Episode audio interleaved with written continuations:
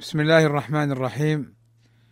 إن الحمد لله نحمده ونستعينه ونستغفره ونعوذ بالله من شرور أنفسنا ومن سيئات أعمالنا. من يهده الله فلا مضل له ومن يضلل فلا هادي له. وأشهد أن لا إله إلا الله وحده لا شريك له. وأشهد أن محمدا عبده ورسوله. ألا وإن أصدق الكلام كلام الله. وخير الهدى هدى محمد وشر الأمور محدثاتها وكل محدثة بدعة وكل بدعة ضلالة وكل ضلالة في النار. أما بعد ففي هذا اللقاء الذي سيكون فيه بإذن الله تعالى الإجابة على بعض أسئلة الطلاب والطالبات في معهد الميراث النبوي. وقبل البدء في ذلك أوجه لنفسي ولإخواني ولأخواتي المسلمين نصيحة عامة بتقوى الله عز وجل ومراقبته. فإن الله عز وجل قد أمرنا بتقواه. قال قال عز شأنه يا أيها الذين آمنوا اتقوا الله حق تقاته ولا تموتن إلا وأنتم مسلمون. في آيات كثيرة وفي أحاديث كثيرة وفي أحاديث كثيرة ولكن قل من يعمل بتقوى الله عز وجل إلا من رحم الله عز وجل. تقوى الله عز وجل في كل الأمور في علمك وفي عملك وفي تعاملك مع الناس. ولذلك قال النبي صلى الله عليه وسلم لمعاذ أو لأبي ذر اتق الله حيثما كنت. فتقوى الله عز وجل أيضا في كل مكان في بيتك في خارج بيتك في مسجدك في عملك في كل مجال يدخل فيه تقوى الله عز تقوى الله عز وجل. ولذلك لما قلت تقوى الله عز وجل رأينا ما رأينا وشاهدنا ما شاهدنا من الفتن ومن المشاكل ومن الأمور التي لا يحمدها العقلاء ولا يفرح بها إلا السفهاء. أمور تضر بالدعوة السلفية وأمور هي للفتن وللغوغائية أقرب منها من السنة والهدى والرشاد. ما السبب؟ أناس يعبثون ويلعبون في دين الله عز وجل بلا تقوى من الله عز وجل. الإنسان يراقب نفسه ويراقب أقواله ويراقب أفعاله كما سبق في كل الأمور حتى في أمور الدنيا. حتى في أمور الدنيا في الصدق والمراقبة والتقوى أمور مطلوبة منا جميعا خاصة نحن السلفيين. فالسلفي والسلفية ليست دعوة باللسان و ليست دعوة باللسان يخلو منها الفعل ويخلو منها التصرفات. فالإنسان يقول أنا سلفي وأفعاله أفعال لا تدل على ذلك. فلا بد من مراقبة الله عز وجل. ولذلك الاستقامة الاستقامة استواء الظاهر والباطن. استواء الظاهر والباطن في الحق والعمل به ومجانبة الباطل والتحذير منه. أما أن يكون الظاهر غير الباطن فتلك مصيبة وتلك آفة وتلك داهية تؤدي إلى ما نراه اليوم من أمور لا تحمد عقباها. ومن الأمور التي أوصي نفسي وإخواني بها بعد تقوى الله عز وجل السمع والطاعة لولاة الأمر في غير معصية الله عز وجل والصبر على ولاة الأمور وعدم الطعن فيهم وعدم التث وعدم تثوير الناس عليهم وتهييجهم ضدهم والبعد والحذر كل الحذر من الإضرابات والإنقلابات والاعتصامات فضلا عن الخروج والتفجير والتدمير فإن هذا من من الأمور التي نهى عنها الشارع الكريم ومن الأمور التي تحل المفاسد والمصائب على بلاد المسلمين وتضر الناس في دمائهم وأموالهم وأعراضهم ودينهم.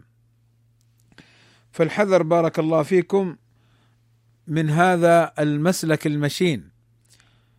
ثم أيضا مما أوصي به نفسي وإخواني تعلم السنة ولزومها وتعلم المنهج السلفي علما وعملا وتطبيقا وأن يحرص كل واحد منا على تطبيق المنهج السلفي تطبيقا صحيحا بعيدا عن الغوغائية وبعيدا عن الهمجية وبعيدا عن فعل السفهاء وعن تصرفات الجبناء وبعيدا عن مسالك أهل الأهواء.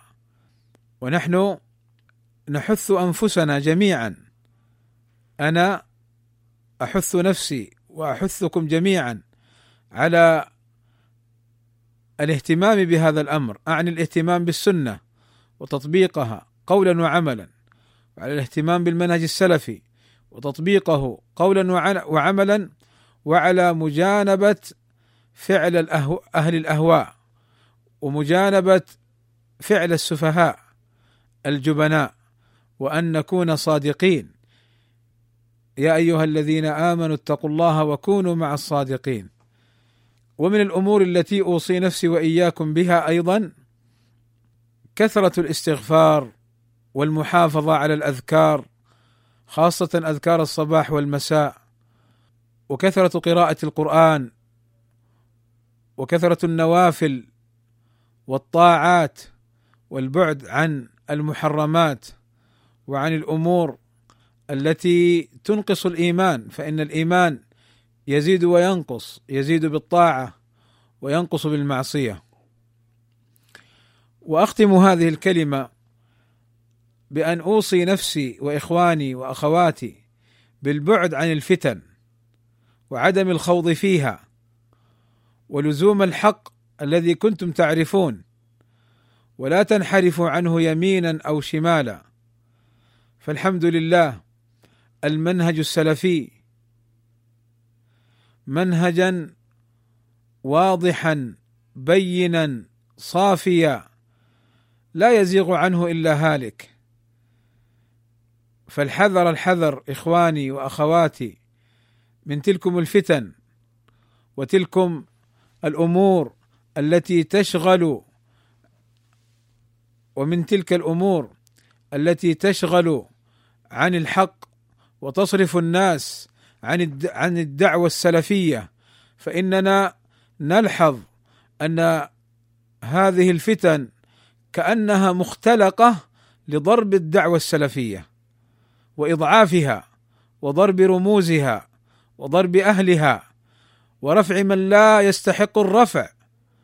فالبعد عن هذه الفتن ولزوم الحق والصبر على الحق وعدم الخوض فيها هو مجال حث عليه السلف رضوان الله عليهم أجمعين. فبارك الله فيكم. أحث نفسي وإياكم على الصبر. أحث نفسي وإياكم على الاشتغال بما ينفع. أحث نفسي وإياكم بترك الأمور لأهلها من ولاة الأمر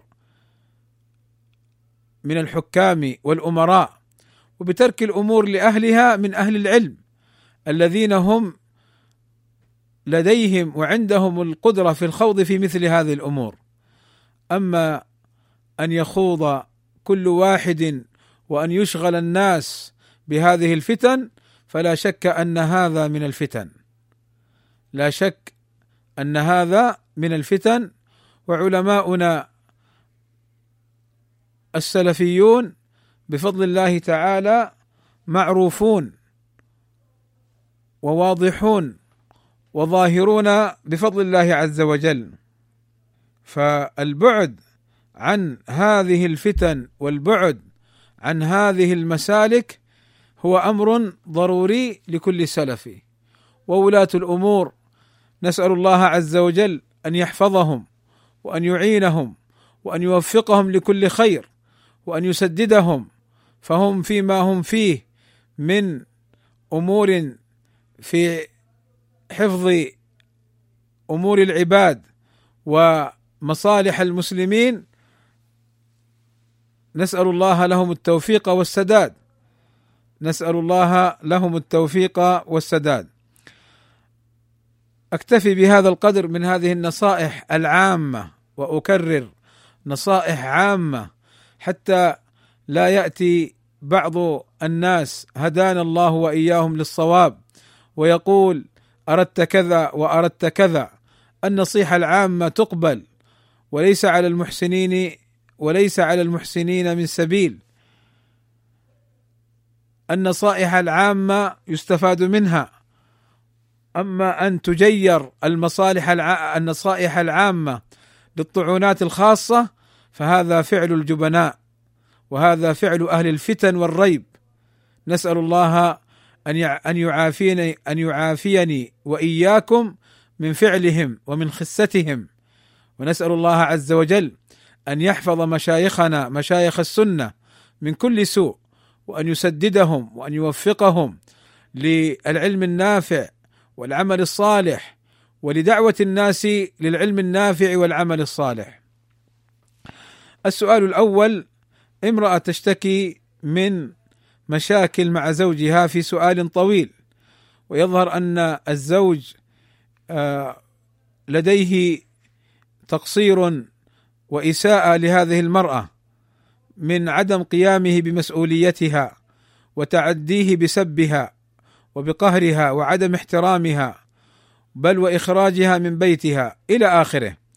والجواب عن هذا السؤال أن نقول اولا عليك أيتها المرأة أيتها الزوجة أن تراقبي وأن تتأملي في تصرفاتك وأقوالك. وهل, وهل أنت أديت حق الزوج وأحسنت إليه؟ أم لا؟ فإن كنت مقصرة في هذا الباب فقبل أن تلومي زوجك لومي نفسك وراجعي نفسك وأحسني إلى زوجك وإن أساء أحسني إليه فإنك بالإحسان إليه مع إساءته فإنه بإذن الله تعالى ينقلب لك زوجا صالحا محبا كما قال الله عز وجل ادفع بالتي هي أحسن فإذا الذي بينك وبينه عداوة كأنه ولي حميم. كثير من المشاكل الزوجية سببها أن كل واحد من الطرفين يريد أن يمشي رأيه ويريد أن يركب رأسه ويريد أن يحقق الطرف الآخر له مطلبه ومبتغاه وهو لم يبذل شيئا أو يبذل شيئا وفيه من التقصير ما فيه. حقيقة كثير من المشاكل هذا هو سببها. والنظرة في مثل هذا الأمر والتوجيه في في مثل هذا الأمر للمرأة. أنت أيتها المرأة حاولي أن تكسبي زوجك بالفعل الطيب والأمر الطيب والإحسان إليه ولو قصر أو أساء. فإنه يعني مع كثرة مع كثرة الإحسان وفعل الجميل هو سيستحي وسينظر إلى هذا الأمر ويقدر وقد يكون سببا لإصلاح حاله بإذن الله تعالى. أما إن كان الرجل مسيئا إساءة كلية ويؤذي المرأة كما في هذا السؤال كما في هذا السؤال أخرجها من البيت وغير المفاتيح إلى إلى آخره فنصيحتي أن تدخلي أهل العقل وأهل يعني الرشد من أهلك أو من أهلك أو من أهله للإصلاح بينكما ولإزالة الفجوة التي بينكما. فإن أصر على موقفه وكان يريد الطلاق ف ولا سبيل للرجوع وهو يريد الطلاق فاصبري واحتسبي عسى الله عز وجل أن يعوضك برجل أحسن منه وبرجل أفضل منه بعد صبرك وبعد أدائك لما هو أحسن. يعني الآن للأسف نجد في في بعض المشاكل أن المرأة تتضارب مع الرجل و يعني تشاكسه وتخالفه ثم تقول ظلمني. لا يا أمة الله. وهنا يذكر العلماء قصة طريفة أذكرها سريعا. أن امرأة أتت لأحد المشايخ تسأله عن زوجها الذي يسيء عشرتها. فكيف تفعل معه حتى يعني تكسبه؟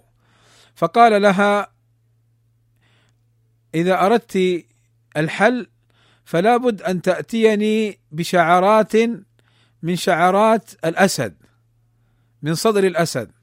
فقالت له كيف ذلك؟ قال هو كذلك يعني هذا هو الحل فذهبت واشترت لحما ووضعته للأسد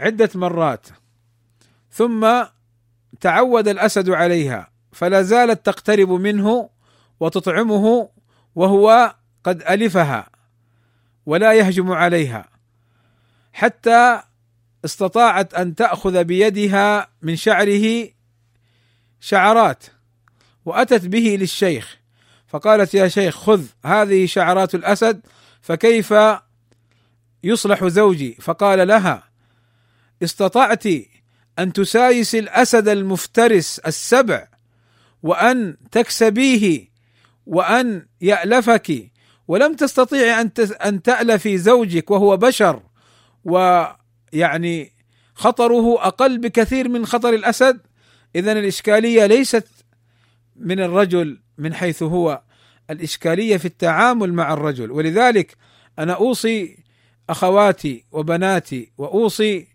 نساء المسلمين بهذا الأمر. سايس الرجل عامليه بالطيب. ولو أساء إليك واحذري من المقولة التي تقول يعني أنت لو لو أن زوجك قال لك كذا وسكت هذا قد أهانك وأنت تضعين نفسك في موقف يعني الذل. لا لا انتبهوا. ليس بين الرجل ليس بين الزوج والزوجة هذا الأمر. بينهما المودة والسكن والرحمة. بينهما الألفة والتآلف والتقارب. بينهما التنازل والتحابب فيما بينهما. الرجل يحب المرأة والمرأة تحب زوجها. فهذا الأساس بين بين الرجل والمرأة. أما ما نراه في مقاطع في بعض المقاطع وفي بعض الكتابات من يعني تثوير المرأة على زوجها وأنها وأنها تفعل كذا وكذا فكل هذا سفه من القول. وكل هذا يعني مذموم شرعا. وكل هذا داخل في تخبيب المرأة على زوجها. اتق الله في زوجك وفي نفسك وفي ولدك. واصبري كم سمعنا من أمهاتنا ومن يعني أقاربنا عن نساء كانت تضرب وتؤذى وتصبر لأجل أولادها إلى أن فرج الله عليها وأصبح زوجها من يعني من أحسن ما يكون معها. وصلح وصلح ما بينهما. وأما الطلاق الطلاق الطلاق الخلع الخلع الخلع خلاص أبغى حريتي. هذا كلام يعني لا ينبغي أن يورد إلا في المضايق وإلا عند الضرورات. أما أن تكون في مبادئ المشاكل أو في أوساطها أو مع إمكانية الحل حقيقة هذا الأمر ينبغي أن يراجع الإنسان فيه نفسه. خاصة أنت يا أمة الله عليك مسؤولية كبيرة في في المجتمع المسلم. لابد أن تراعيها ولا بد أن تهتمي بها وأن تتدبريها. وأيضا في نفس الوقت بعد أن قلنا ما قلنا للمرأة هذا الكلام أنت أيها الرجل اتق الله في الزوجة وراعيها واعلم أنك أخذتها بموثق وعهد من الله عز وجل. كان النبي صلى الله عليه وسلم في آخر حياته يقول استوصوا بالنساء استوصوا بالنساء. وكان عليه الصلاة والسلام يقول خيركم خيركم لأهله وأنا خيركم لأهله. يعني أيها الرجل ليست قوامتك على المرأة من باب أن تتحكم فيها ظلما وقهرا وسبا وشتما. أنت محاسب ومسؤول أمام الله عز وجل. عن كل أمر فعلته معها. إن كان بحق وشرع وما يسمح به الشرع فلا لوم عليك. ولكن إن جاوزته لضرب مبرح وكلام وسب قادح وقهر لها ومشاكسة لها فاعدد للسؤال جوابا واذكر أن لديك بنات وأخوات وقريبات قد يقعن في نفس المأزق الذي أوقعت فيه بنت الناس هل ترضى بذلك؟ إن كان لا فما الفرق بينهما؟ وإياك والكبر والمعاندة وكن أنت أيها الرجل أعقل وأحكم وحاول الإصلاح واسلك السبل النافعة في هذا الباب. أنا أطلت جوابا على هذا السؤال لأنه سؤال مهم والإشكالات فيه كثيرة وحقيقة آه، أنا أرى كنت سابقا أن النساء قد يكن في جانب أكثر ملامة من من الرجال. ولكن وجدت أيضا أن بعض الرجال للأسف عقله يعني ليس بعقل الرجال الكاملين. يتصرف كأنه مراهق من ترك أهله بلا نفقة ولا يتحمل مسؤوليتهم ويتركهم بالشهور ويتركهم للفتن. لا هذا ما يجوز شرعا. ما يجوز شرعا أن تضيعهم. كفى بالمرء اثما كفى بالمرء اثما أن يضيع من يقوت. أو كما قال عليه الصلاة والسلام ابدأ بنفسك وأهلك. ما هذا؟ ما هل هذا من السلفية؟ أن تضيع أهلك أن تشتمهم أن تتركهم بالشهور أن لا تنفق عليهم أن تحوجهم للناس. سبحان الله. ما هذه الأخلاق المشينة؟ إن السلفية والمنهج السلفي والإسلام بريء من هذه الأفعال. الأفعال المشينة التي تدل على سفه أصحابها. نسأل الله السلامة. ولو آذتك المرأة اصبر. ولو قصرت معك الم... ولو قصرت معك المرأة فأدي إليها حق الله وامسكها بمعروف أو سرحها بمعروف. أما أن تسيء إليها وتعذبها بمثل بمثل هذه التصرفات فهذا ليس لك. وأختم كلمتي بحديث عظيم. ذاك الرجل الصحابي الجليل أبو مسعود رضي الله عنه كان له غلام والغلام ملكه يعني جزء من ماله. فكان رافعا يده بصوته يريد أن يضربه. والنبي صلى الله عليه وسلم جاء من خلفه وقال له اعلم أبا مسعود اعلم أبا مسعود فسقط منه الصوت. فقال صلى الله عليه وسلم اعلم أبا مسعود أن الله أقدر عليك منه إليك منك إليه فأعتقه. فكيف بمن يضرب أهله ضربا مبرحا يجرح ويكسر عظما ويخرج دما تظهر الكدمات في الوجه أو في في الجسد احمرار ويعني ولون أزرق ونسأل الله السلامة والعافية. نعوذ بالله نذكرك بقول النبي صلى الله عليه وسلم أتدرون من المفلس؟ المفلس من يأتي يوم القيامة وقد ضرب هذا وشتم هذا وأخذ مال هذا وقذف هذا فيأخذ هذا من حسناته وهذا من حسناته حتى إذا فنيت حسناته أخذ من سيئاتهم فطرحت عليه. بعضهم والله يجمعها كلها في الزوجة فيضربها ضربا مبرحا ويشتمها في نفسها وأهلها بل ويقذفها في عرضها بل ويقصر معها في النفقة فلها النفقة لها المال عليه. تأخذ الزوجة منك هذه الأمور. المسألة ليست باللعب يوم القيامة. إنما هي الحسنات والسيئات. فاعدد للسؤال جوابا. أسأل الله عز وجل أن يسددني وإياكم وأن يحفظني وإياكم من الفتن ما ظهر منها وما بطن. هذا سؤال يسأل عن مسألة تتعلق بالإرث وأنه مجموعة من الورثة ولديهم بعض الأمور.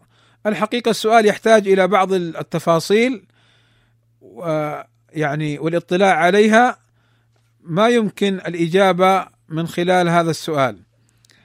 السؤال الذي يليه تقول نحن النساء تواجهنا مصاعب وعقبات كثيرة بين السلفيات وبعضهن إذ نتفاجأ بأخوات على المنهج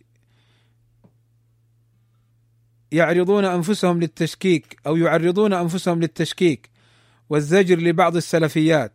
هذا قد يكون بسبب بعض الأخطاء البسيطة الغير مقصودة. يكادون يخرجونهم من السلفية ويهجرونهم في الله. وهذا غير المقاطعة الشديدة التي لا تلقى لها بالا وقد تكون سببا لصد بعض الأخوات عن المنهج السلفي بسبب الشدة وسوء المعاملة وعدم الرفق بالعامة. ونحن لا نميز صحة هذا الفعل أم غير ذلك. بارك الله فيكم. هذا السؤال كما يقال يتضمن الجواب.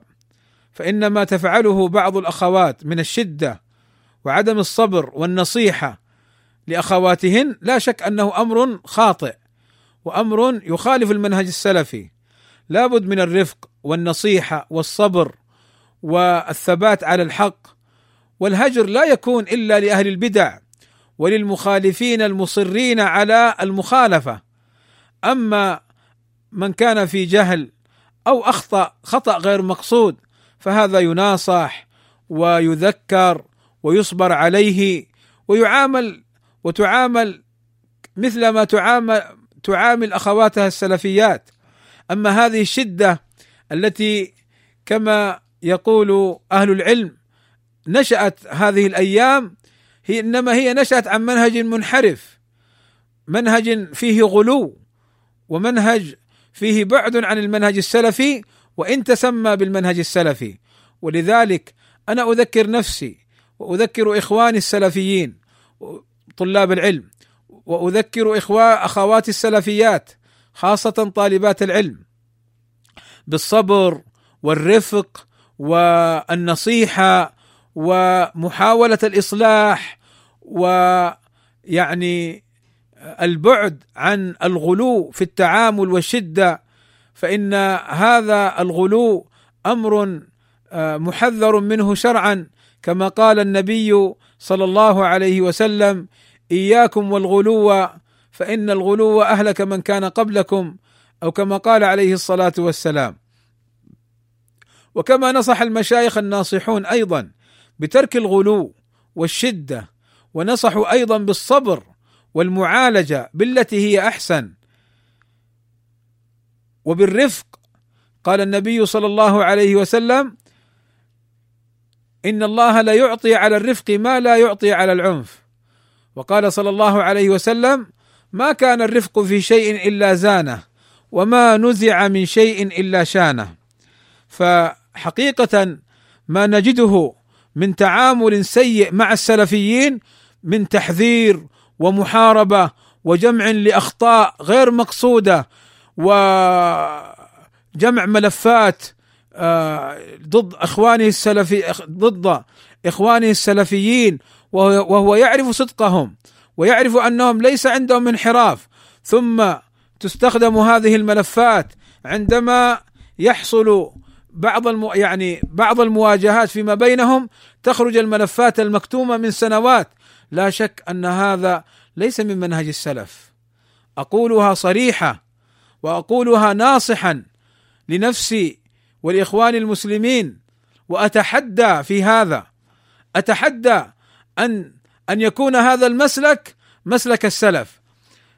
السلفي إذا اطلع على خطأ عند أخيه نصحه مباشرة أو أو كلم من ينصحه ممن يؤثر عليه. أما أن يكتم الأخطاء ويجمعها ويظهر له الموافقة ثم بعد ذلك يكشر عن أنيابه أنا أتحدى أن يكون هذا مسلكا سلفيا. بل هو مسلك أهل الأهواء بلا شك ولا ريب. وإن وقع فيه بعض إخواننا خطأ لا نبدعهم ولكن ننصحهم بالبعد عن هذا المسلك. وننصحهم بالانقياد التام لمنهج السلف الصالح. فبارك الله فيكم. هذه الشدة التي نشأت من الهجر والتقطيع للإخوان السلفيين وعدم الصبر عليهم وعدم نصحهم وعدم الصدق في التعامل والله لا ينبغي أن تكون خلقا للسلفي فما ذكر في هذا السؤال لا شك أنه أمر يعاني منه السلفيون. كم فرقوا بين الابن وأبيه وبين الأخ وأخيه؟ وكم حاربوا بعض إخواننا السلفيين على أمر لم لا يستحق كل هذه المحاربة. وسبحان الله يعني لما انكشف حالهم واستبان أمرهم وفضح ما هم عليه يتباكون وينادون بعدم الفرقة بين السلفيين. فيا أخي بارك الله فيك ويا أختي بارك الله فيكم. وكلامي هذا لجميع إخواني السلفيين ولجميع أخواتي السلفيين. أدعوكم دعوة صادقة للرجوع إلى الحق لترك مسالك أهل الباطل حتى من كان مخطئا. والله والله رجوعك للحق أحب إلي وأحب لكل سلفي صادق من تماديك على الباطل. لا تظن أننا نفرح بفضح حالك ولا تظن أننا نسعى لإسقاط أوراقك. ولكن أنت الذي أسقطت نفسك بنفسك فلا تبكي ولا ترمي لومك على غيرك. ولذلك هذه الشدة والله لمسناها بشدة ووضوح للأسف.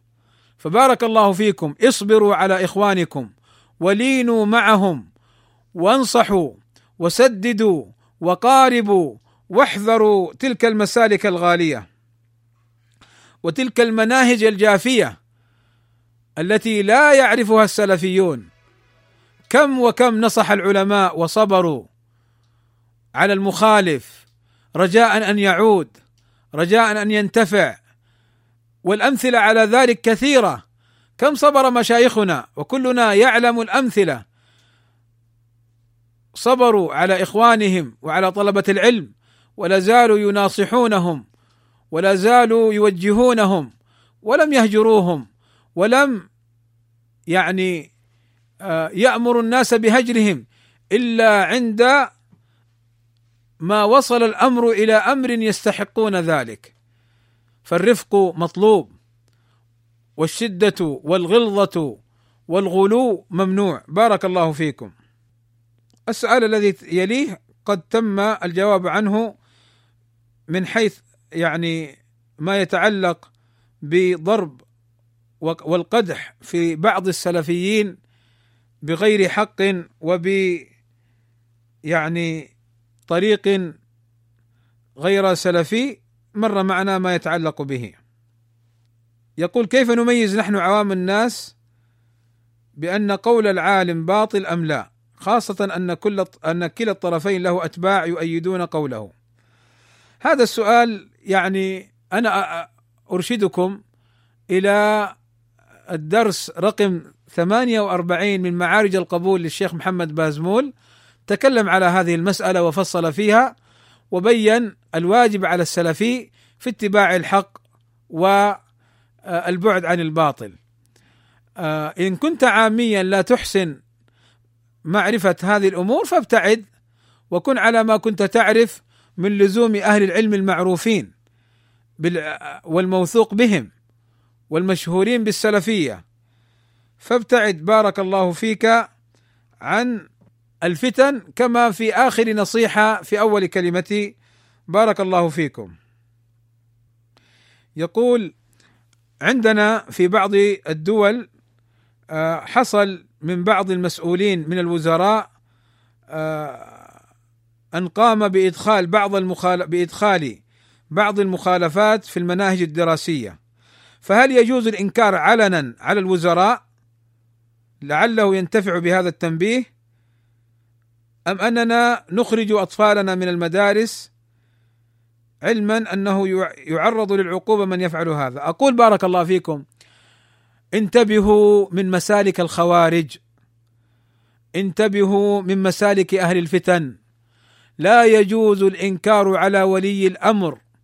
ولا على نو ولا على وزرائه ونوابه علنا وإنما النصيحة سرا من العلماء وممن عنده القدرة على نصحهم سرا وإذا نصحهم لا ينشر النصيحة ويقول للناس نصحت ونصحت وإنما كما قال النبي صلى الله عليه وسلم من أراد أن ينصح لذي سلطان فلا ينكر عليه علانية ولكن ليخلو به وليأخذ بيده ولينصحه فإن قبل منه وإلا كان أدى الذي عليه أو كما قال عليه الصلاة والسلام.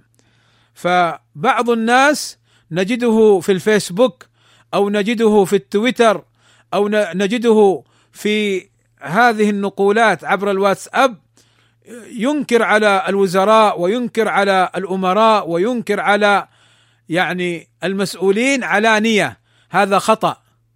هذا خطأ عند أهل العلم. كما بين ذلك أهل العلم.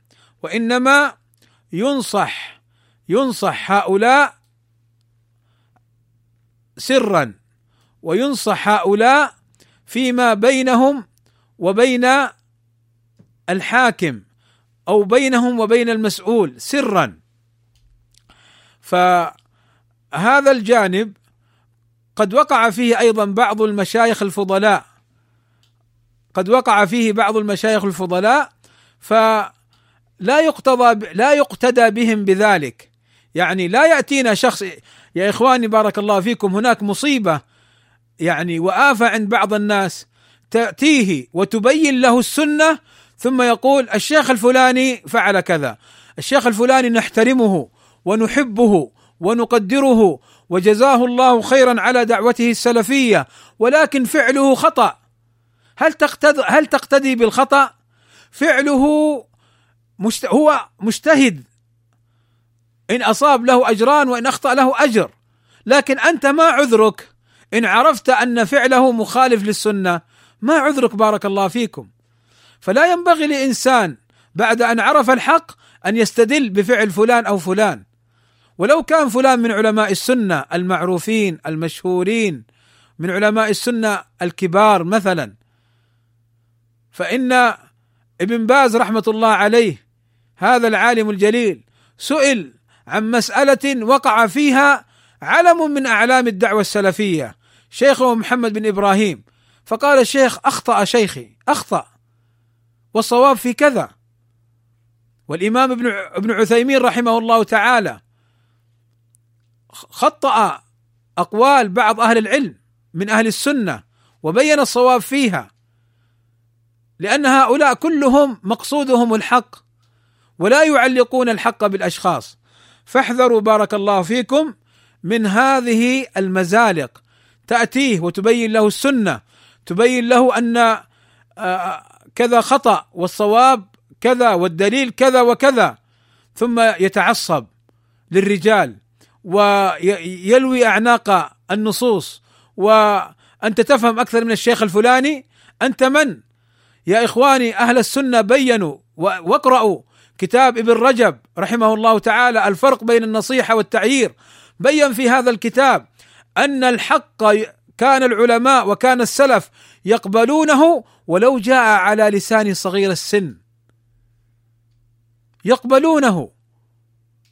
فما كانوا يقولون أنت من حتى ترد على فلان؟ أنت لا هذا ليس ليس مسلكا علميا. هذا خطأ. ولكن قل قولك ما دليله كذا؟ من السنة. وقول فلان لا دليل بل يخالف السنة. ففلان الذي أخطأ نقول له أخطأت. مع احترامنا وحبنا وتقديرنا لك. ولكن الحق أحب إلينا. الحق أولى بالاتباع. وإياكم إياكم من تلك المسالك والمزالق التي قد نسمعها من بعض إخواننا. هدانا الله وإياهم للصواب. هذه من القواعد للأسف التي روجت روجت في في السنوات الأخيرة هذه وإن كان لها أصول ولكن صار لها ترويج. يجعلون قول العالم حجة وكأنه وحي. هذا خطأ يا إخواني. هذا هذا هو التعصب. هذا مسلك يشابه مسلك الروافض والصوفية. كن بين يدك كن بين يدي شيخك كالميت.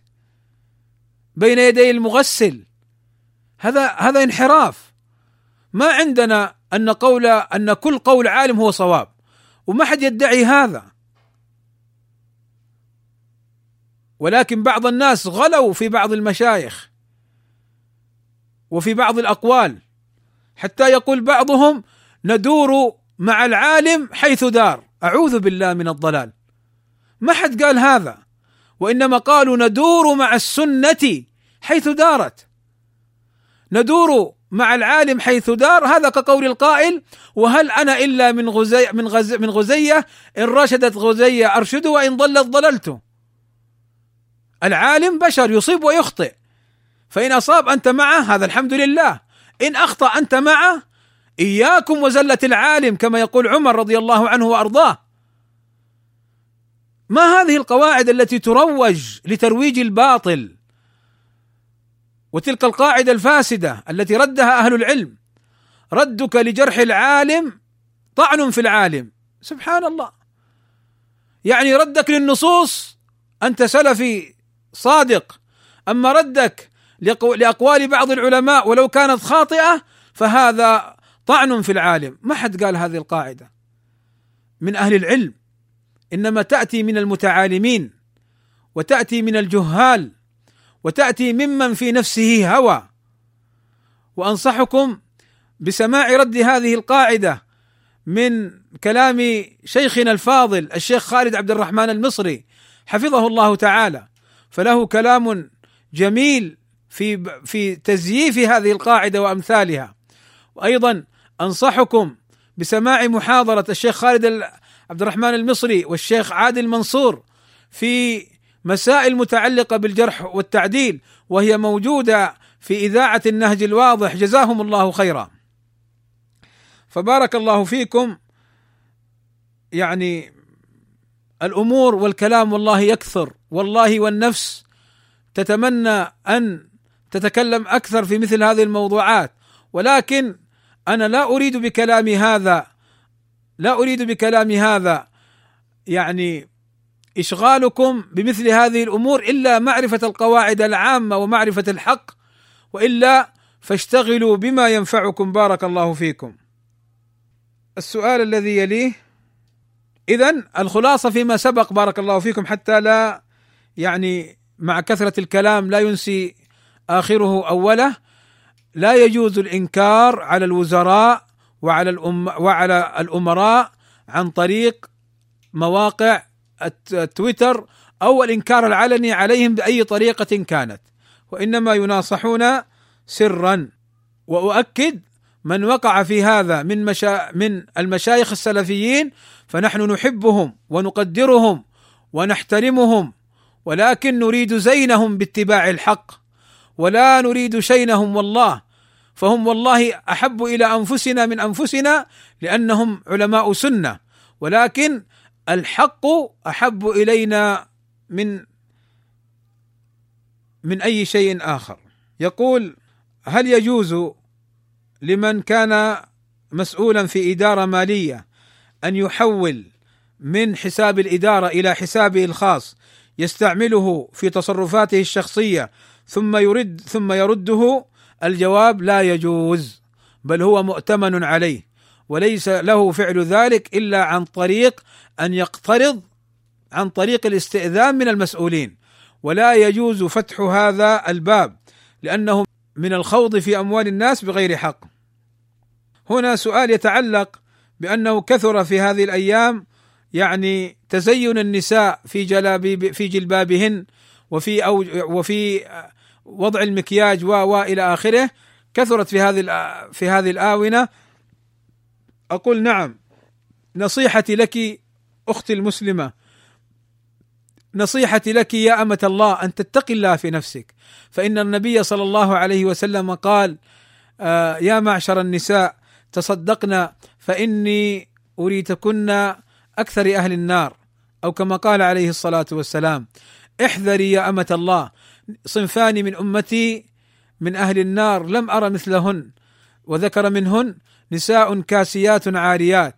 فاحذري يا أمة الله من دعاة الفتن الذين يدعونك لخلع الجلباب. وخلع الجلباب يكون بالتدرج إما بتقصيره وإما بتضييقه وإما بأن يكون الجلباب يعني ملفت لنظر الرجال ويعني يشغلهم به.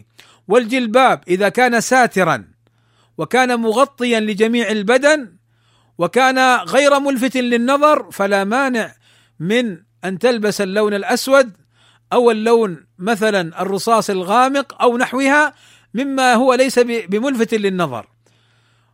فإن كان فيه لفت للنظر وفيه فتنة للرجال فيحرم أن تلبس الألوان التي تدعو لذلك. من باب سد الذرائع بارك الله فيكن. واحذري يا أمة الله أنت وأنا وكل رجل وامرأة منا نحن في هذه الدنيا خلقنا لعبادة الله. وتأملي يا أمة الله وتأمل يا عبد الله. تأمل في المسألة. الدنيا مهما طالت بنا الموت يأتي فجأة يأتي بغتة. لا يأتيك ملك الموت فيقول لك بعد ساعتين سأقبض روحك. لا يأتي بغتة وأنا أقول لنفسي وأقول لك يا أمة الله وكل واحد يقول لنفسه ويسأل نفسه هل إذا مت الآن أنا مستعد لما سألقاه من عمل؟ إن كان الجواب نعم من عمل صالح وعمل طيب. يرجو من الله أن يتقبله وأن يجازيه عليه فأقول احمد الله ولا تغتر بعملك وازدد من الطاعة. وإن كنت يعني تقول لا أو كنت تقولين لا أنا أخاف وعندي تقصير وعندي كذا فأقول الحمد لله أن أرواحنا في أجسادنا فلنتدارك الأمر ولنحسن فيما بقي. يقول صلى الله عليه وسلم كل بني آدم خطاء وخير الخطائين التوابون. هنا أيضا أريد أن ألفت نظر نظرك يا أمة الله إلى أمر مهم.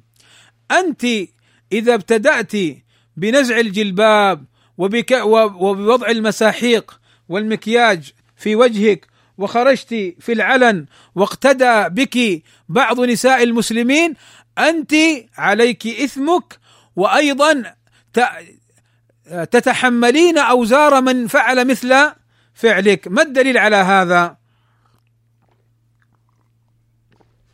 الدليل على هذا قول النبي صلى الله عليه وسلم من سن سنة حسنة فله أجرها وأجر من عمل بها. ثم قال ومن سن سنة سيئة فعليه وزرها ووزر من عمل بها.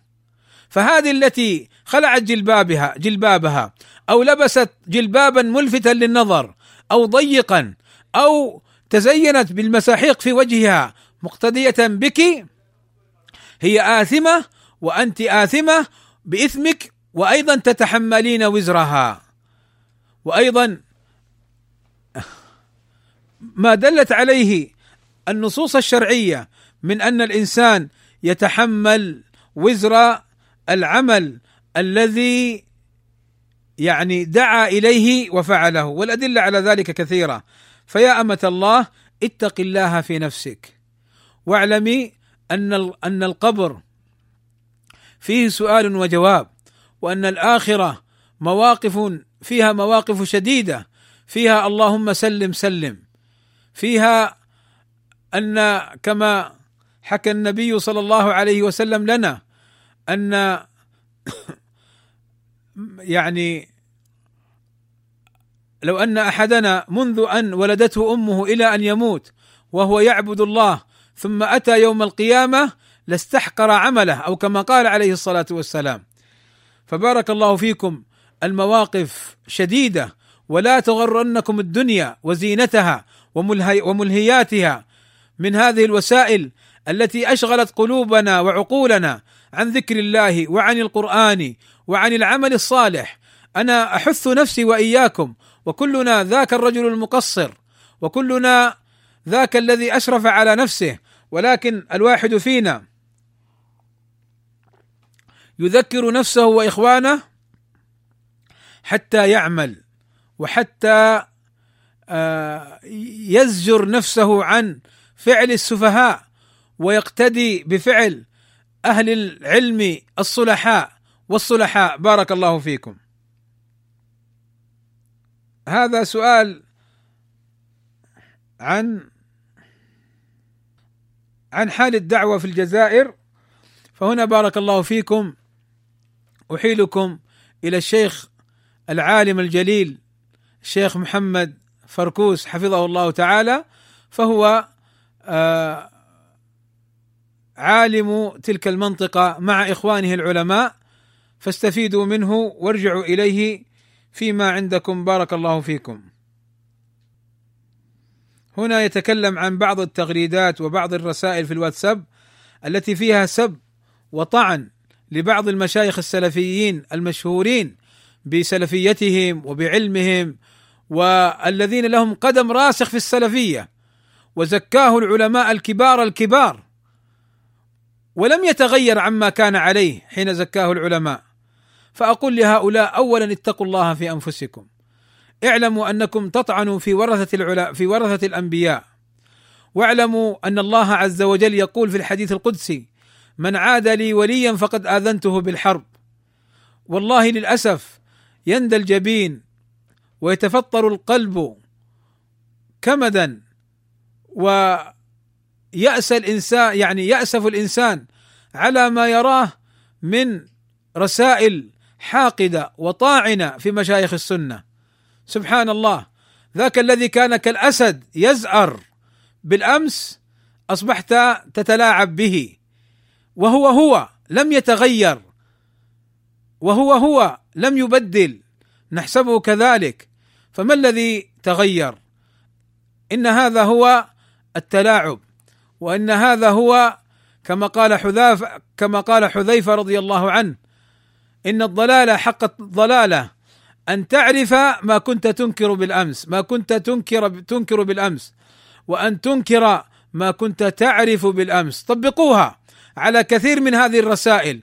قارنوا بين رسالتهم بالأمس العالم الجليل الذي آه، يعني صدع بالحق وكذا واليوم أصبح أصبح ذليلا مهانا عند هؤلاء الناس. فما الفرق بين الأمس واليوم؟ ما الفرق؟ وما وما حجتكم في أن آه، تتهجموا على العلماء بغير حق وللأسف هذه الوسائل فتحت الباب لكل من يريد أن يطعن يطعن لأنه من خي من يعني من وراء من وراء ستار يتكلم ولا يحاسب ولكن حقيقة أنا أدعو نفسي وإخواني بالحذر من هذه التغريدات والحذر من تلك الرسائل التي فيها الطعن في العلماء. مشايخ سنة ما تركوا أحدا سبحان الله. مشايخ سنة زكاهم العلماء. لهم دروسهم ولهم كتاباتهم ولهم محاضراتهم النافعة الطيبة. ولا أريد أن أضرب مثالا فإن الأمثلة واضحة لكل ذي ذي عينين. الأمثلة بينة ولكن العمل العمل أن تبتعدوا عن هؤلاء وأن تنصحوهم وتوجهوهم لكل خير فإن أصروا على مواقفهم فاحذروا ما عندهم من الفتن. بارك الله فيكم. هل يجوز للمرأة أن تشتغل بالجرح والتعديل؟ لا يجوز الاشتغال بالجرح والتعديل إلا لمن كانت آلته في هذا الباب مكتملة. نحن نعلم أن هناك قواعد للجرح والتعديل ونعلم أن الجرح والتعديل له أهله المختصون به والحقيقة ليست المرأة. حتى الأطفال الصغار اليوم نراهم يجرحون ويعدلون. حتى السفهاء الذين لا يصح قولهم في أنفسهم نراهم يحكمون على غيرهم. وفتح الباب على مصراعيه. فلان يجرح والثاني يزكي هذا الجارح وفلان يزكي والثاني يزكي هذا المزكي. عندنا مثل أهل مكة نقول يا يا مزكي حال حال بيت أهلك يبكي. يعني أنت تتصدق على الناس وأهلك محتاجون. فأنت تريد أن تجرح الناس وتعدلهم وأنت لا تفقه باب الجرح والتعديل فلا شك أن القضية لا تتعلق بالمرأة والرجل ولا تتعلق بالصغير والكبير من حيث هو. إنما القضية تتعلق بأن يكون المتكلم في باب الجرح والتعديل مكتمل الاله عالم بأسباب الجرح عالم بأسباب التعديل بعيدا عن الأمور التي يعني قد تفضي إلى عدم الإنصاف وعدم الالتزام بهذا الباب. باب الجرح والتعديل باب عظيم. باب عظيم من أبواب الأمر بالمعروف والنهي عن المنكر.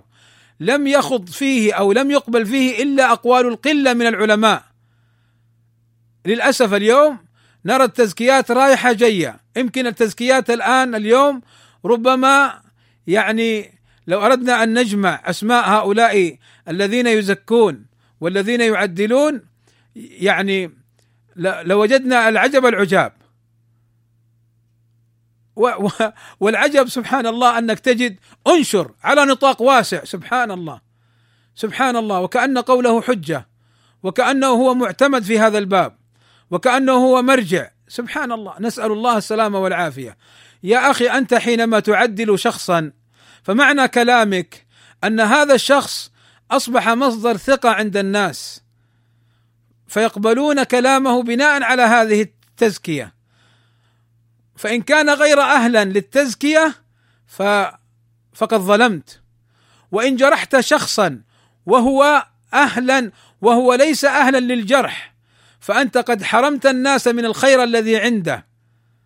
ولذلك هذا الباب لا يصلح. كان بعض العلماء كما يعني ذكر أهل العلم كان عالما محدثا في الحديث كبير ومع ذلك لا يقبل قوله في الباب الجرح والتعديل وهو عالم بالأحاديث. والآن يقبل قول كل يقبل قول كل أحد للأسف. ولذلك بارك الله فيكم المزكي المعدل المجرح لا بد أن يشتهر في هذا الباب وأن يعرف في هذا الباب وأن يكون ضابطا لهذا الباب. ولذلك كثر التلاعب في هذا الباب ومن أراد المزيد لمعرفة هذا الأمر فليرجع للمحاضرة الشيخ خالد عبد الرحمن والشيخ آه، عادل منصور فهي مفيدة في هذا الباب. فإذا الخلاصة بارك الله فيكم إذا زكت المرأة امرأة أخرى أو جرحتها فإن كانت هذه المرأة المتكلمة معروفة عند أهل العلم بالفهم والدراسة والدراية لهذا الباب وكان كلامها على نور وتقوى من الله يقبل قولها. وإن كانت مجهولة أو غير معروفة فإنه لا يقبل قولها. ونعني انتبهوا يا إخواني انتبهوا. لما نقول يقبل قولها يعني في الجملة ليس معناه كل شيء. فإن العالم العارف بأسباب الجرح والتعديل قد يزكي مجروحا. أو يجرح عدلا فلا يقبل قوله حينها. فبعض الناس يقول لك خلاص فلان من علماء الجرح والتعديل مقبول القول كل قوله صحيح. يا أخي اتق الله في نفسك. إيش القواعد اللي تأتي بها مخالفا للحق؟ لا. يعنون بقولهم فلان من أهل الجرح والتعديل مقبول القول أي في الجملة. أما التفاصيل فينظر لكل قول وما احتف به من قرائن وأدلة. فإن قدم القرائن الدالة على جرحه قبلت. وكذا إن قدم الأدلة. لكن كون فلان من أهل الجرح والتعديل ويزكي فلان ونحن نعرف أن فلان عنده من الجرح وعنده من أسباب الجرح البارزة الواضحة من تفريق السلفيين من محاربة السلفيين من الطعن في السلفيين مع احترامنا للمعدل له ويعني حبنا له وتقديرنا له نقول إلا أن هذا القول هنا لا يتمشى مع القواعد السلفية. ليس طعنا في ذاك العالم لا ابدا بل هو حبيب إلينا ولكن الحق أحب إلينا. طيب. سؤال في المواريث أيضا يحتاج إلى يعني كما يقال تفاصيل. أنا ما أستطيع أن أتكلم أو, أو يعني أعطي حكم حتى أنظر في المسألة كمسألة آه، وما يحتف بها من ملابسات يعني مثل هذا السؤال واضح يعني يسأل إذا مات الرجل وعنده أم إذا مات الرجل وعنده أم فهل ترث الأم شيئا من متاعه؟ أقول بارك الله فيكم المال المراد به في المواريث أو التركة كل ما يخلفه الميت من أراضي ومن بيوت ومن أموال نقدية ومن يعني أمتعة وحتى الكمبيوتر حتى الجوال كله يدخل في ذلك مال يقسم على الورثة. وكون بعض الورثة يتنازل عن أمتعة مثلا الرجل في هذا فهذا أمر يعني من باب آه، التسامح فيما بين الورثة. ولكن الأصل أن الجميع يدخل. طيب. هذا سؤال مفاده. يعني أن أن أحد الآباء عنده أبناء وبنات. فكتب فكتب أرضين فكتب أرض للابن الأكبر وارضا أخرى للابن الذي يليه. وكان يريد أن يكتب لبقية الأبناء الأراضي آه يعني اذا أو أن يشتري لهم أراضي. فما الحكم؟ الحكم اتقوا الله وأعدلوا بين أولادكم. الأصل أنه يعطي كل ولد من أولاده آه، إذا أعطاهم ويسوي بينهم. فهنا آه، إذا كانت عنده بعد موته أراضي فإنها تقسم بينهم مع الأراضي التي أعطاها للأبناء حتى حتى آه، يتم العدل بينهم. فإن النبي صلى الله عليه وسلم لما جاءه يعني والد النعمان اللي هو بشير رضي الله عنهم أجمعين قال أشهد على ذلك غيري فإني لا أشهد على زور. فإذا دل هذا على أن ما قام به الوالد خطأ. فتعاد وتقسم بين الورثه هذا الذي يظهر والله أعلم. تقول السؤال هذا قد مر الجواب عنه ولكن هي مسألة خاصة. يعني امرأة تريد أن تسافر لأبيها وليس لديها محرم وزوجها يمنعها من السفر أو أن يصحبها إلى السفر لأن بين الزوج وبين مشاكل وبين أهلها مشاكل. فما الحل؟ أقول للزوج أن يتقي الله عز وجل. كونك بينك وبين أهلها مشاكل اولا حاول أن تصلح هذه المشاكل وأن تصبر وأن تعفو فإنك إن فعلت ذلك كنت أنت الأفضل بإذن الله تعالى. فإن أبيت إلا وجود هذه المشاكل فلا تدخل زوجتك بينك وبين أهلها. فتذ يعني توصلها إلى أهلها تزورهم ثم ترجعها. بارك الله فيكم. يقول هذا رجل اتصل بزوجته وأثناء الغضب قال لها ما دام أنك هكذا فأنت طالق ثم كررها. سؤال الطلاق يحتاج إلى استجواب في بعض الأمور لكن عموما لو طلقها آه، وكرر هذا الطلاق فقال لها أنت طالق أنت طالق وقاصدا طلقة واحدة لا تقع إن شاء الله إلا طلقة واحدة. يقول السؤال هنا اعيد مرة أخرى تقول أنها تريد أن تسافر لبيت أبيها وليس لديها محرم وزوجها يمنعها من السفر لأن بينهم مشاكل ويعاملها بازدراء يعني يعامل زوجته. ومن الأمور التي لا يليق أن يفعلها الزوج بزوجته. وتقول أيضا أن الزوج يعني يظهر من السؤال أنها يعني متضررة مع هذا الرجل. طيب فهل لها أن تخرج مع أخيها وبدون إذن زوجها لأنها متضررة وتريد فراق زوجها ووجود أيضا بعض المشعوذين من جهة زوجها. فالجواب عن هذا إن آه، كان الأمر كما تقولين وجود الضرر المتحقق من الأذى والضرب ووجود بعض المشعوذين الذين قد يؤذونها فلها أن تخرج إلى بيت أهلها مع أخيها دون إذن زوجها لأنها تريد مفارقته. تريد مفارقته والحال ما ذكر والله أعلم. طبعا هذا إذا تحقق الأمر فعلا وكان هناك شعوذة وكان هناك ضرب وتعدي أما إن كانت هناك مجرد مشاكل فليس لها أن تخرج من بيت زوجها.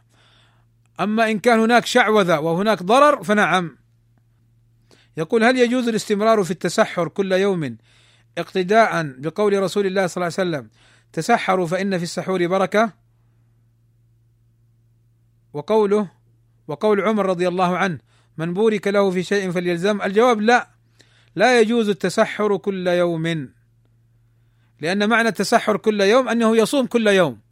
والنبي صلى الله عليه وسلم قال لا صام من صام الدهر. وحث النبي صلى الله عليه وسلم على أن يصوم يوما ويفطر يوما. يعني من أراد أن يصوم دائما عليه بصيام داود. كان يصوم يوما ويفطر يوما. أما التسحر كل يوم بنية أو لأجل أن السحور بركة فتحصل البركة لا. نقول البركة في الاقتداء بسنة النبي صلى الله عليه وسلم. فكان يصوم حتى لا نقول يفطر وكان يفطر حتى نقول لا لا يصوم. وقال صلى الله عليه وسلم آه، خير الصيام صيام داود كان يصوم يوما ويفطر يوما. فبارك الله فيكم تنبهوا لهذا الأمر. هنا يعني يسأل هل يكفي في الصلاة على النبي صلى الله عليه وسلم أن نقول صلى الله عليه وسلم أم أن نذكر الصلوات الإبراهيمية؟ بلا شك أن الصلاة الإبراهيمية هي أفضل. ولكن لو قال صلى الله عليه وسلم فقد صلى عليه صلى الله عليه وسلم. هل يجوز إخراج الزكاة لعام أو عامين؟ الجواب نعم. أنا أختصر في بعض الأسئلة فأقرأ وأختصر. يقول هل رد المعدل لأسباب جرح الجارح يجب أن يكون بالتفصيل؟ نقول نص أهل العلم على أن المعدل إذا قال ما جرح به فلان في كذا وكذا وكذا وكذا جوابه كذا وكذا وكذا وكذا وكان فعلا كما قال فإنه يقبل التعديل. أما مثلا أن يقول آه، فلان مثلا مجروح أو جرح آه، وهو عدل فهنا تكون يكون التعديل مجمل أمام جرح مفسر. إذا صدر من عالم وكان الجرح المفسر معتبر فإنه يقبل الجرح المفسر والله أعلم. هنا يسأل عن الأعمال هل هي شرط صحة أم شرط كمال؟ في الإيمان؟ نقول كما قال أهل العلم الإيمان قول وعمل واعتقاد والعمل من الإيمان. واتركوا بارك الله فيكم الخوض في هذه الأمور التي تقود إلى خلافات وشر. هكذا سألت شيخنا يحيى المدرس حفظه الله تعالى مرة فقلت يا شيخ نفس السؤال هذا. هناك من يقول الإيمان العمل شرط صحة للإيمان. وهناك من يقول العمل شرط كمال للإيمان. فقال يا ولدي كتب الاعتقاد تقول الإيمان قول وعمل واعتقاد والعمل جزء من الإيمان. هكذا قال السلف وهكذا نحن نقول. فجزاه الله خيرا. طيب يقول إذا كانت المرأة حائضا يعني يقول إذا كانت المرأة جنبا ثم حاضت فهل تغتسل للجنابة؟ الجواب لا، لا دليل على هذا الأمر فيما يظهر لي وفيما أعلم. يعني هو يقول أن المرأة كانت جنبا ثم حاضت فهل تغتسل لكي تقرأ القرآن يعني في زمن حيضها؟ الجواب لا، لا تحتاج أن تغتسل ولا أن تتوضأ ولها أن تقرأ القرآن على الصحيح من قول أهل العلم. يقول هل السلفية وهابية تكفيرية؟ الجواب هذه من إشاعات المغرضين الطاعنين في منهج أهل الحق وليس لديهم حجة إلا الكذب والافتراء على شيخ الإسلام ابن تيمية وعلى شيخ الإسلام محمد بن عبد الوهاب وغيرهم من أهل العلم. يحملون كلامهم يعني باطلا من القول. وإذا كان أهل البدع يستدلون ببعض الأدلة على بدعهم وقولهم باطل فكيف لا يستدل هؤلاء المبطلون بأقوال بعض العلماء؟ فإن فإن هؤلاء العلماء بفضل الله تعالى علماء سنة الشيخ ابن تيمية شيخ الإسلام محمد بن عبد الوهاب وغيرهما بفضل الله علماء سنة ومعروفون بالدعوة للتوحيد ومحاربة الشرك ومحاربة التكفير بل يتبرؤون من التكفير الباطل. أما تكفير من كفره الله ورسوله بعد قيام الحجة وانتفاء الموانع فهذا حق لا غضاضة فيه. كما نص على ذلك العلماء. أما أن يعني وهنا أيضا لابد من التحذير من مسألة التكفير. بعض الناس يكفر يكفر. ما يعني فلان كافر فلان كافر فلان كافر. لا أقيمت عليه حجة ولا انتفت عنه الموانع. هذا ما يجوز بارك الله فيكم. ولو صدر من بعض الفضلاء ولو صدر من بعض الفضلاء فاحذروا بارك الله فيكم من تكفير الناس. فإن تكفير من لم تقم عليه الحجة ولم تنتفي عنه الموانع فإن هذا مسلك خاطئ. فيه شيء من الغلو والانحراف. فاحذروا بارك الله فيكم. فلو وقع من بعض الفضلاء مع احترامنا الشديد لهم لكن الحق احق أن يتبع في ذلك بارك الله فيكم. يقول هل من نصيحة للأم التي تفرق بين أولادها وتضغط على البعض وتطلب منه ما لا تطلبه من إخوته وهي تظن بأن أسلوبها هذا يكون في مصلحته؟ الجواب اولا أوجه كلامي للأبناء والبنات. احسنوا الظن في تصرفات آبائكم وأمهاتكم يعني كثير ما يأتي الشيطان للإبن أو البنت وكأنه يقول أمك تظلمك، أبوك يظلمك، أمك ما تحبك، أبوك ما يحبك، أبوك يحب أخوك أكثر منك أو أختك أكثر منك وكذا. اولا انتبهوا لهذا المزلق الشيطاني. والله ما من أب وما من أب وما من أب في الغالب إلا وكلهم يحب أبناءه وبناته.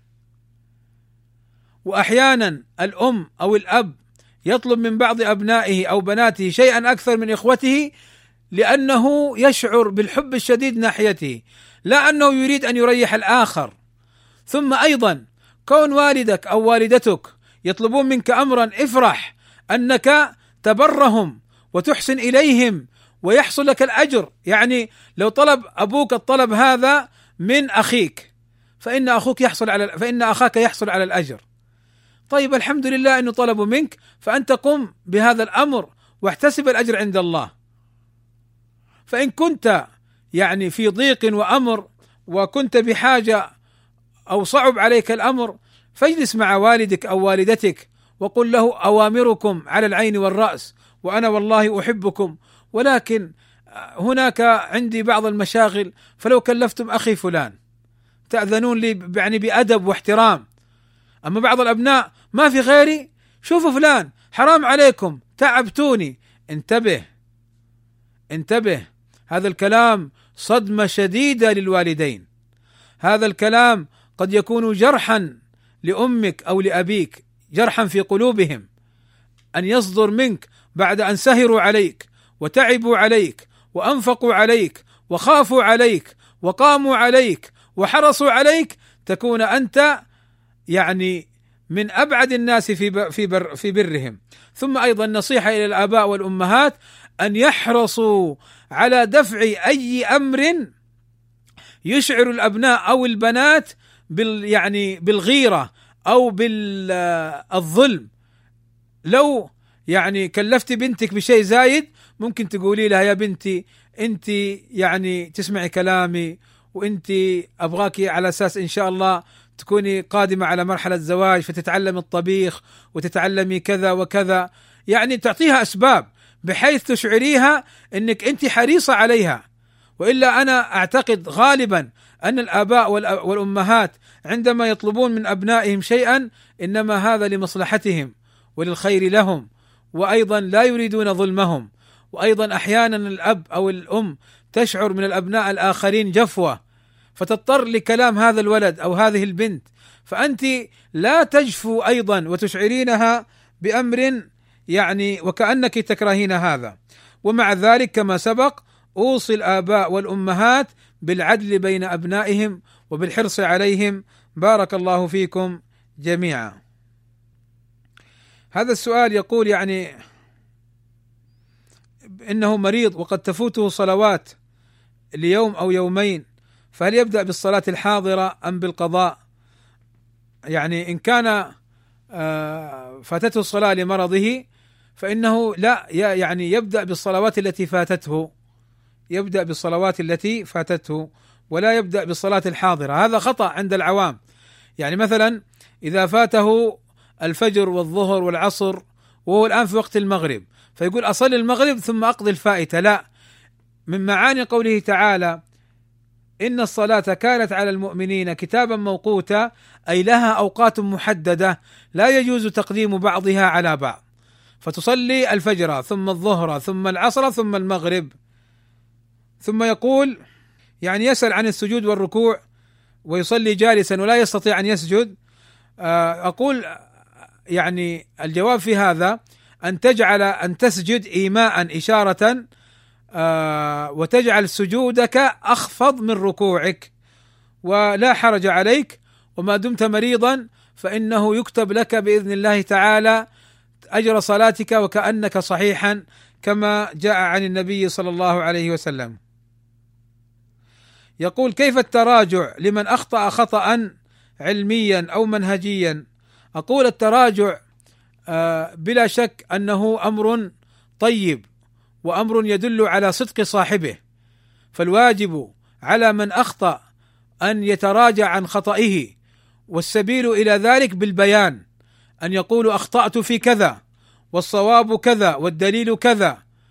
وإذا كان الخطأ في يعني كتاب آه، منشور أو في مقال منشور أو كان صوتيا أن يعلن هذا أو يعلن هذا الأمر ويكتبه في كتاب تراجعاتي أو في مقالات أو في أي وسيلة يوصل فيها لتلاميذه أو لأصحابه أنه أخطأ في كذا و و وأنه تراجع عنه. أما أن يأتي آت فيقول أنا متراجع عن كل خطأ. طيب بس وخلاص انتهينا هذا خطأ. هذا تراجع مجمل. لابد من التراجع المفصل. لابد من التراجع المفصل.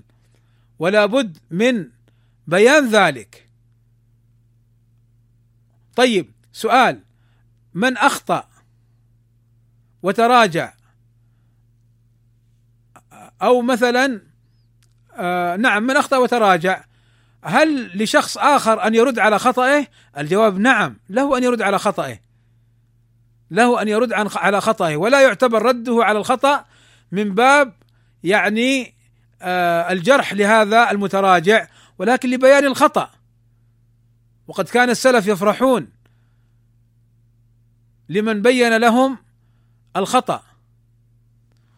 وإن كنت أنصح نفسي وإخواني بالحذر من كثرة الأخطاء في مسائل العلم والدين فإن السلف والعلماء بينوا أن كثرة الأخطاء في هذا الباب يعني في في باب العلم والدين آه، أمر يوجب على العبد أن يراجع نفسه وأن يتثبت وأن يحرر المسائل وأن لا يخوض فيها هكذا. فهذا هو الواجب على الجميع. بارك الله فيكم. اما وأيضا ننبه على شيء. يعني تقول فلان أخطأ. طيب فين أخطأ؟ بين. يعني بعض الناس الآن نحن نعاني من مشاكل. مشكلة مر حلها. مشكلة أخرى أيضا في الخطأ. بعض الناس على سبيل المثال يقول مثلا على سبيل المثال بازمول أخطأ. جميل. جزاك الله خيرا. والله هذا أمر أسر به أنك تبين خطأ يلا بين لي الخطأ. فتقول يا بازمول أنت أخطأت في قولك كذا في كتاب كذا في شريط كذا في مقال كذا. فالواجب علي أن أتراجع. أما تأتي وتقول بازمول عنده أخطاء وأخطأ طيب فين؟ خلاص أخطأ. لا هنا ما ينفع. هذا خطأ. وهذا لا يجوز. هذا يعتبر تهم. بلا حجة. أنا لا أقول أني لا أخطئ ولا أقول أن فلانا لا يخطئ كلنا نخطئ. لكن بين لي الخطأ حتى أتراجع عنه. أما التخطية العمياء الصلعاء فهذه لا تقبل. ولو صدرت ممن صدرت عنه مع احترامنا للكل. فلان من المشايخ السلفيين عنده أخطاء. طيب بينها. الذي نعرفه والذي نراه الحمد لله أخطاء. مع يعني دعوة سلفية. مع قد يعني يوجد أخطاء ثم إذا وجدت أخطاء هل يلزم منها السقوط مباشرة والتحذير؟ هذا مسلك غالي ليس مسلك سلفي فإذا أخطأ بازمول ولا أخطأ فلان وفلان يتراجع أما أخطاء لا تبين ثم أحكام بالجرح والإسقاط لا شك أن هذا مسلك أن هذا مسلكا فيه نظر بارك الله فيكم. يقول هل يصح الجمع بين صلاة الظهر والعصر في السفر في وقت الظهر؟ يعني كأن السؤال يقول وأنا في السفر سيدخل علي وقت. وقال لأني سأخرج في للسفر في آخر وقت الظهر ويدخل وقت العصر أثناء السفر. نقول نعم لا بأس من الجمع بهذه الصورة لحاجة السفر. يقول سؤال هل يجوز للمرأة خلع هل يجوز للمرأة خلع الزوج. إذا كان من الدواعش الجواب يجب عليها أن تخالع زوجها وأن وأن تنفذ بجلدها. من هذا الداعش الخبيث التكفيري. إذا ثبت أنه من الدواعش يقول شحن الهاتف من كهرباء المسجد من قبل الإمام ما حكمها؟ هذه المسألة سئل عنها الشيخ العثيمين رحمه الله تعالى وأجاب فيما أذكر جوابا مفاده أنه آه، لا يجوز استعمال كهرباء المسجد في آه، للأغراض الخاصة إلا إن كان هناك إذن من الدولة ويعني تصريح من الدولة آه، القائمة على هذه المساجد بأنه لا مانع من الاستفادة بذلك والله أعلم يقول من لا يصلي صلاة الجمعة في المسجد هل يعد كافرا؟ الجواب لا لا يعد كافرا. ولكن من ترك ثلاث جمع متهاونا متعمدا آه، فإنه جاءت في حقه نصوص ويعني ووعيد شديد.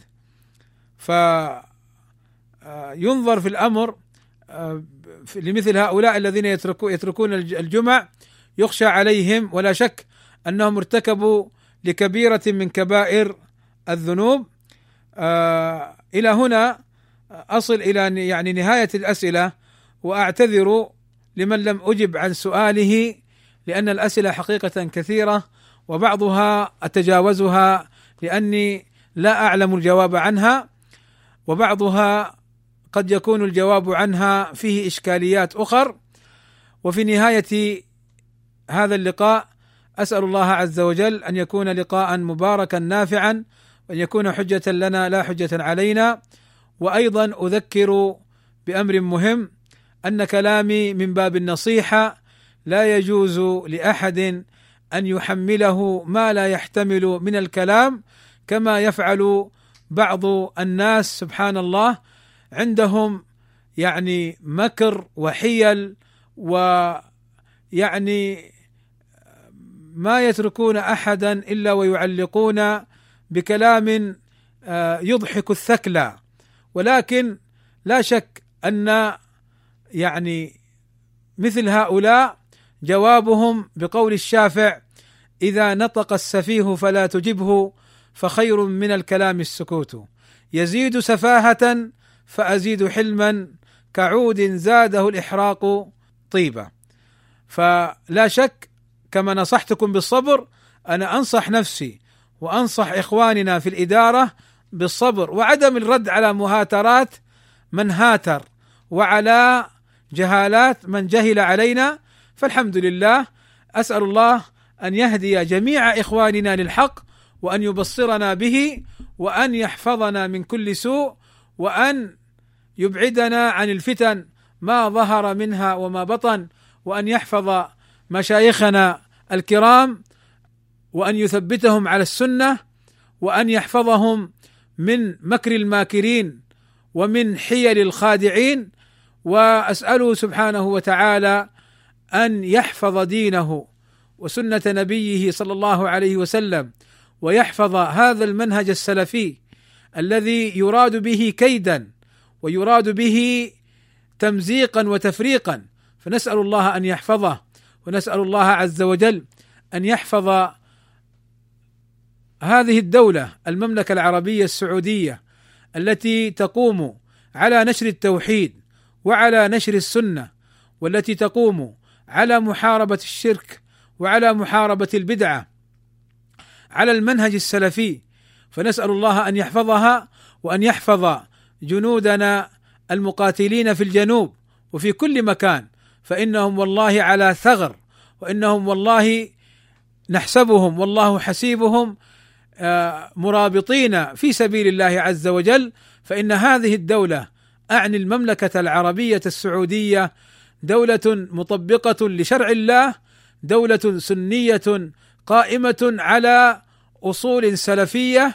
نسأل الله أن يحفظها من كيد الكائدين ومن خيانة الخائنين. ومن عبث العابثين. ونسأل الله عز وجل أن ينفع بهم العباد والبلاد في كل مكان. وصلى الله وسلم على نبينا محمد وعلى آله وصحبه أجمعين. والحمد لله رب العالمين. والسلام عليكم ورحمة الله وبركاته.